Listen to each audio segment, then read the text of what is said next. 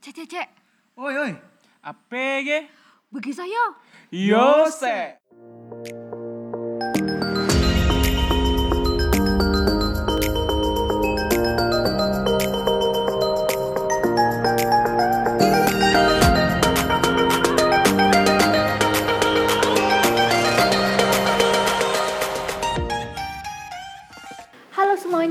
selamat pagi, selamat hari Rabu. Kembali lagi dengan kita di Bekisah Yo.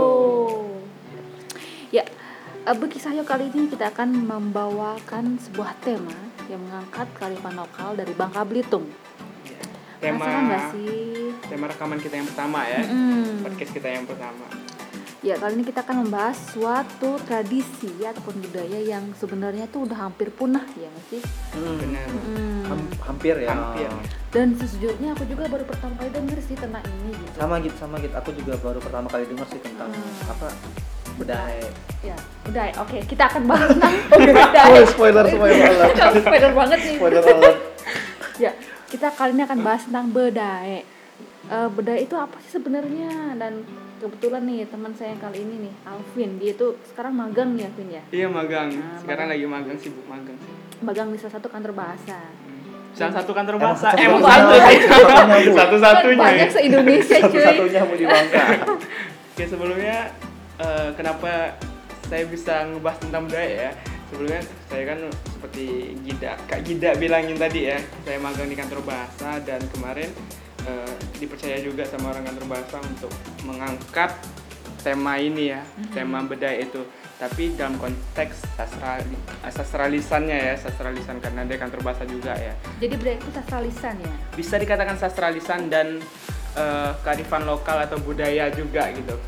Terus kalau budaya ini sebenarnya kita kemarin membuat film dokumenter tentang sastra lisan budaya gitu. Jadi kita kemarin sempat ke Kabupaten Bangka, itu lebih tepatnya ke Lembaga Kesenian Masyarakat, itu grup musik dari Pak Wahar Saksono. Nah, Pak Wahar ini beliau merupakan salah satu datuk ya, datuk di Bangka. Jadi kita nyebut itu datuk, datuk Wahar atau Pak Wahar gitu. Beliau salah satu eh, pemain atau pelaku seni dari Daik tersebut. Nah, Bedai ini sebenarnya dia merupakan senandung gitu, senandung. Mm. Dan Bedai ini hampir ada di setiap daerah di Sumatera sebenarnya. Oh. Apalagi itu daerah Riau kan yang kental banget dengan Melayu gitu. Hmm. Jadi sebenarnya seperti itu. Dan Daek di Bangka itu dia eh, dengan dialek yang berbeda-beda karena kita tahu ya kalau di Bangka itu kan setiap daerah ataupun setiap kabupaten itu bahasa dan dialek itu beda, beda Hmm, banget. hmm. Tapi dalam satu rumpun itu rumpun Melayu.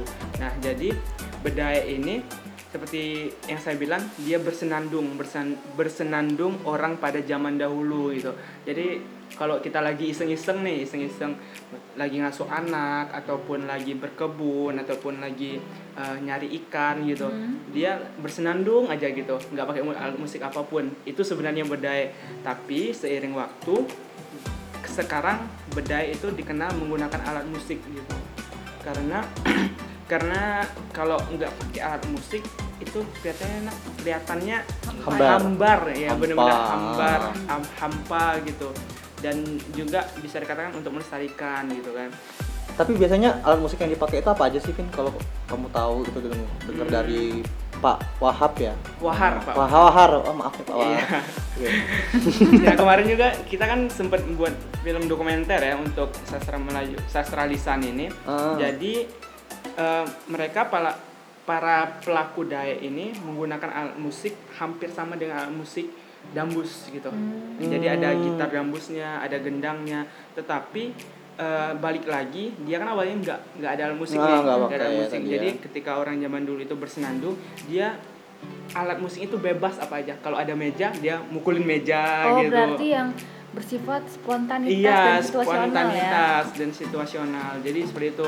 Ada ada meja dia mukul-mukul meja. Pokoknya apa aja apa jadi aja gitu jadi alat musik gitu kan ada iramanya jadi begitu. Kalau pakai paha-paha gitu, bisa nah Oh, bisa. tepuk tangan ini, Ah, itu bisa. masuk daik juga. Daek juga. Oke. jadi bisa untuk mengiringi senandung itu gitu. Kalau untuk syair itu gimana biasanya? Nah, kalau untuk syairnya itu dia lebih bersifat sendu, rada-rada sedih gitu ya sendu ma- atau syair itu mendayu-dayu kemudian mengalun jadi ibaratnya kayak sendu sih lebih tepatnya sendu gitu. Nah di dalam daya itu ada dua ada dua konsep utama yang sebenarnya itu.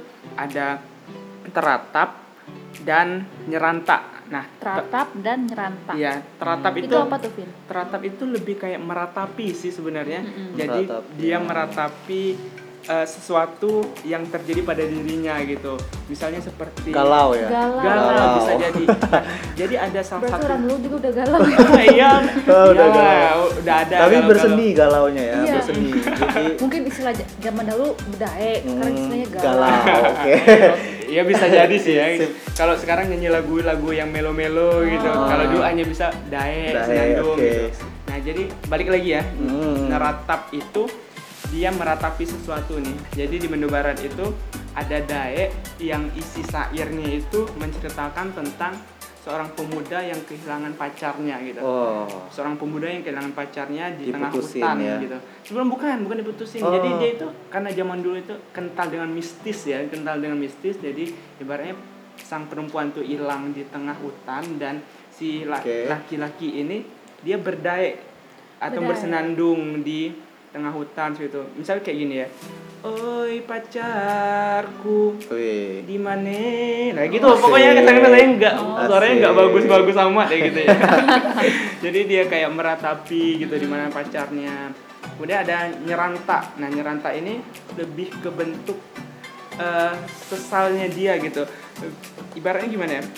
Kalau tadi itu meratapi dan ini lebih ke penyesalan penyesalan dia gitu ibaratnya dia meratapi hidupnya yang ya cuman gini-gini aja gitu. Hmm. susah segala macam. Nah itu lebih ke uh, nyerantaknya gitu seperti itu. Ini berarti kayak ngeluarin emosi negatif gitu ya? Iya bisa bisa seperti itu.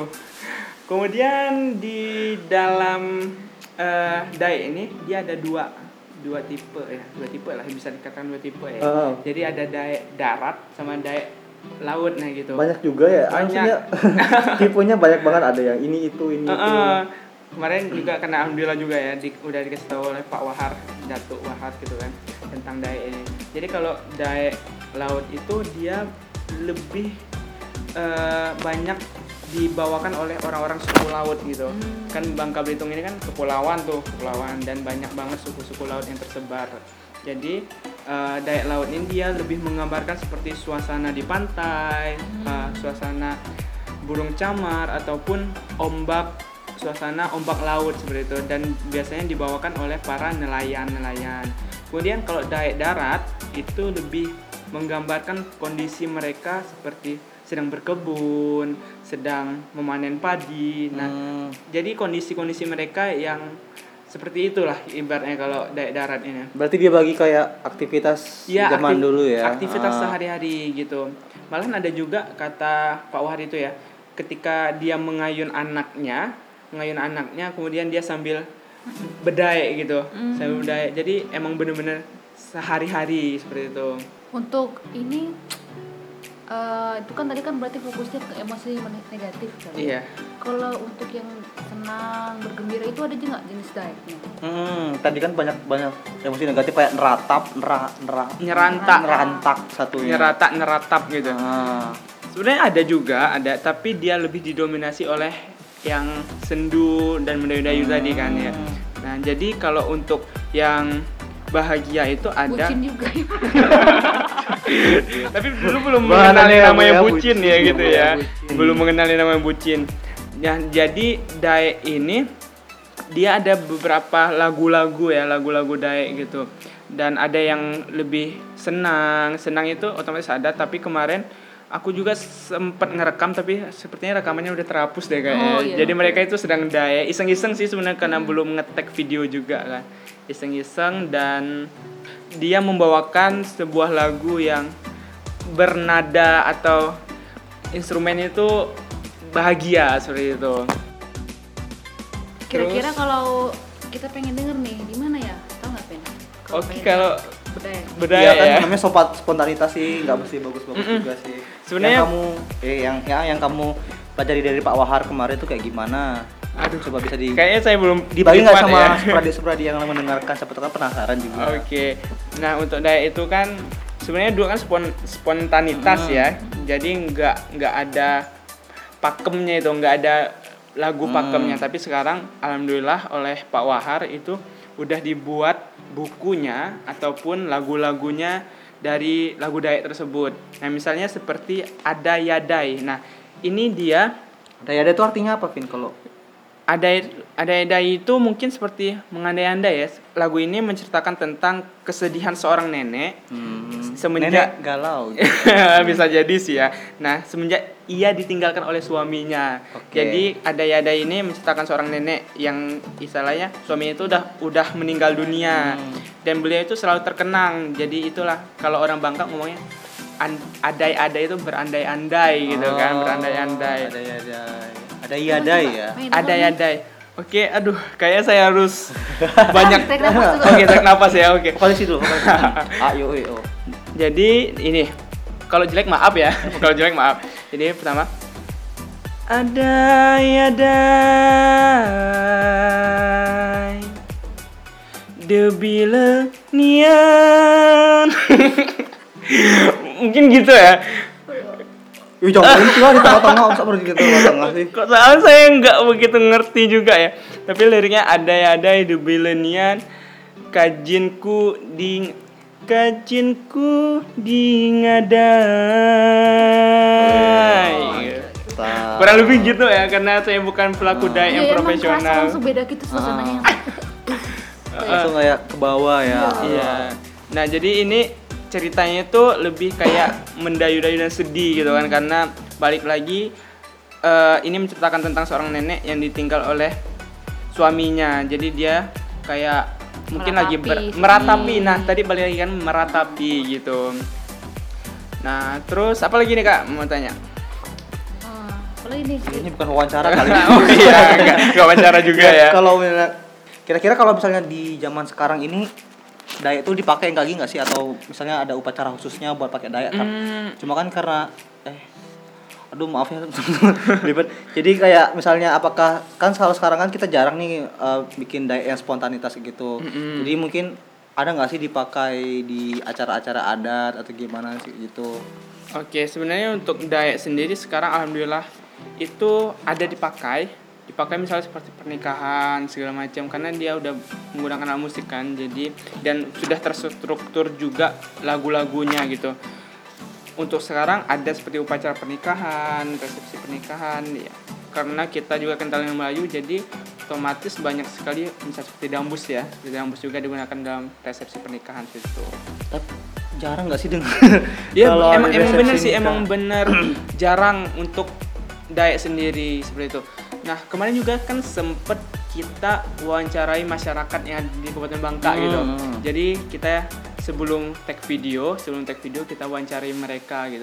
Tahu nggak sih tentang Dayak dan apa itu Dayak segala macam. Terus Dan mereka domi- didominasi oleh nggak tahu. Malahan Oke. 0, sepersekian persen gitu yang tahu tentang Dayak. Jadi mostly nggak tahu gitu ya. Iya, secara apa. keseluruhan itu nggak tahu sama sekali dayak. Dan bahkan dayak-dayak ini sekarang banyak orang-orang tua yang masih melestarikannya seperti itu. Mm-mm. berhubung sekarang kan banyak banget yang curhat di Twitter, curhat di Facebook, Oh, Instagram yang gitu ya, galau gitu ya. milenial. Mm-mm. Mungkin bisa aja tuh lirik-liriknya dia dijadikan buat bedaya gitu. Sebenarnya bisa, bisa banget malahan ya. Nah, untuk judul lagu dayak ini yang sudah di sudah ditulis oleh Pak Wahar itu ada 11, 11 judul kan. Karena sebelumnya spontanitas, jadi sekarang itu ada 11. Sebelumnya saya menceritakan itu dulu ya. Daek yang pertama itu ada Ada Yadai yang saya nyanyi ala kadarnya tadi. Ada ya, ya. Sebenarnya masih Andai-andai banyak ya. iya berandai-andai. Kemudian ada Daek Blatuk Sumbu. Itu cerita tentang kesedihan seorang Mia. Mia itu perempuan ya. Oh, dalam bahasa Bangka Mia itu iya. perempuan ya. Iya, Ah. anak perempuan yang misalnya belum menikah lah, yang ditinggal kekasihnya. yang masih Kemudian single. ada Dai Apung-Apung. Nah, itu cerita ibu yang rindu ditinggal anaknya merantau. Kemudian ada Dai Mak Ngelelai, cerita tentang kegelisahan hati seorang gadis tua. Kemudian ada Dai Pesisir, itu cerita tentang kegagalan PDKT seorang bujang. Jadi eh, secara keseluruhan ini emang tentang romance romance gitu ya yang galau-galau dan cocok banget untuk kita kita yang lagi sekarang. iya kita yang mi- milenial ini gitu. Jadi kayaknya. Alvin ada lagi yang mau disampaikan? mungkin untuk harapannya ya. Oh iya, harapan. bener nggak? Iya soalnya kemarin nah satu lagi saya mau cerita. Kemarin waktu kita tag video itu ada satu perempuan itu dia sepantaran saya umurnya kisaran 22 kalau nggak salah kisaran umur 22 dan saya ibaratnya mengapresiasi ya karena mereka dido- didominasi ol- oleh orang tua dan dia satu-satunya paling muda makanya maksud saya bis, kita bisa seperti beliau gitu ikut Hmm. melestarikan apalagi istilahnya daya ini udah sangat jarang kita dengar gitu Pengalaman nggak pernah, maksudnya emang Nggak pernah ya? gitu nggak sih maksudnya? iya benar-benar Mungkin dari media ini kali ya bisa jadi awal. Oh, oh. Makanya baru kali ini dengar kata dae gitu. Pas cari di YouTube juga nggak ada ada gitu. ya. Referensinya juga nggak ada. saya juga gitu Sekarang sih yang mau curhat ya di Twitter, di Facebook, kan jangan lupa hashtag dae. Dae gitu ya. saya juga sebenarnya sebelumnya nggak tahu sama sekali Google googling googling gitu kan searching tentang dae itu nah yang saya temuin di di Google itu dae merupakan bentuk senandung yang ibaratnya menggunakan pantun-pantun gitu nah awalnya gitu tapi waktu wawancara langsung dengan pelaku daeknya itu malahan nggak mesti pakai pantun gitu kurang lebih gitu ya Tapi kalau pantun sih emang kayaknya budaya yang sering dipakai di Bangka ya. Iya, Yang lagi malah- dilestarikan juga kalau soalnya kalau banyak denger pas orang nikahan gitu, orang resepsi gitu banyak banyak orang yang berbalas pantun gitu buat mulai acara acara adat upacara adatnya gitu. Kan emang kita udah ada perpunya Hmm. juga eh perpu maksudnya undang-undang ya perda maaf Oke, perda. soalnya lagi heboh perpu juga ya Oh, Jangan Perda baper ya. Pradi ya.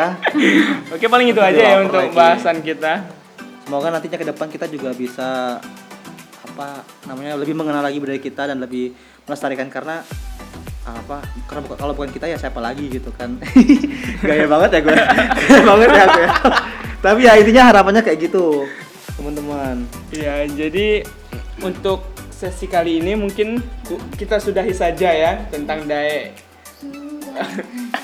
ya mungkin kak Gida kak Gida ada bisa nggak mau bikin Apa? bikin, Aduh, ntar dulu deh. senandungnya itu Enggak, spontanitas enggak. kan iya Enggak, enggak, enggak. nggak harus terpaku sama yang udah tercantum gitu Coba saya aja. cempreng sekali teman-teman. Enggak. Nggak apa-apa kan namanya senandung Enggak, enggak. kita melestarikan. Udah kali ya. Ya, eh, terima kasih sekali Alvin Iya sama-sama. atas bedah Oh iya satu lagi, ntar kalau video kita sudah ada, ya Video. dokumenter kemarin Oh, gitu yang tentang iya. bedai gitu, bisa buka di channel YouTube-nya kantor bahasa Babel gitu. Oke. Ya, nanti ada muka saya juga loh sebagai presenternya. Oh, jadi bukan endorse ya Iya bukan endorse. endorse cuma Tapi nggak masalah sih kalau mau ngundang gitu. ya. Oke mungkin sampai di sini dulu dari kita. Jadi see you next time. Dadah. Dadah.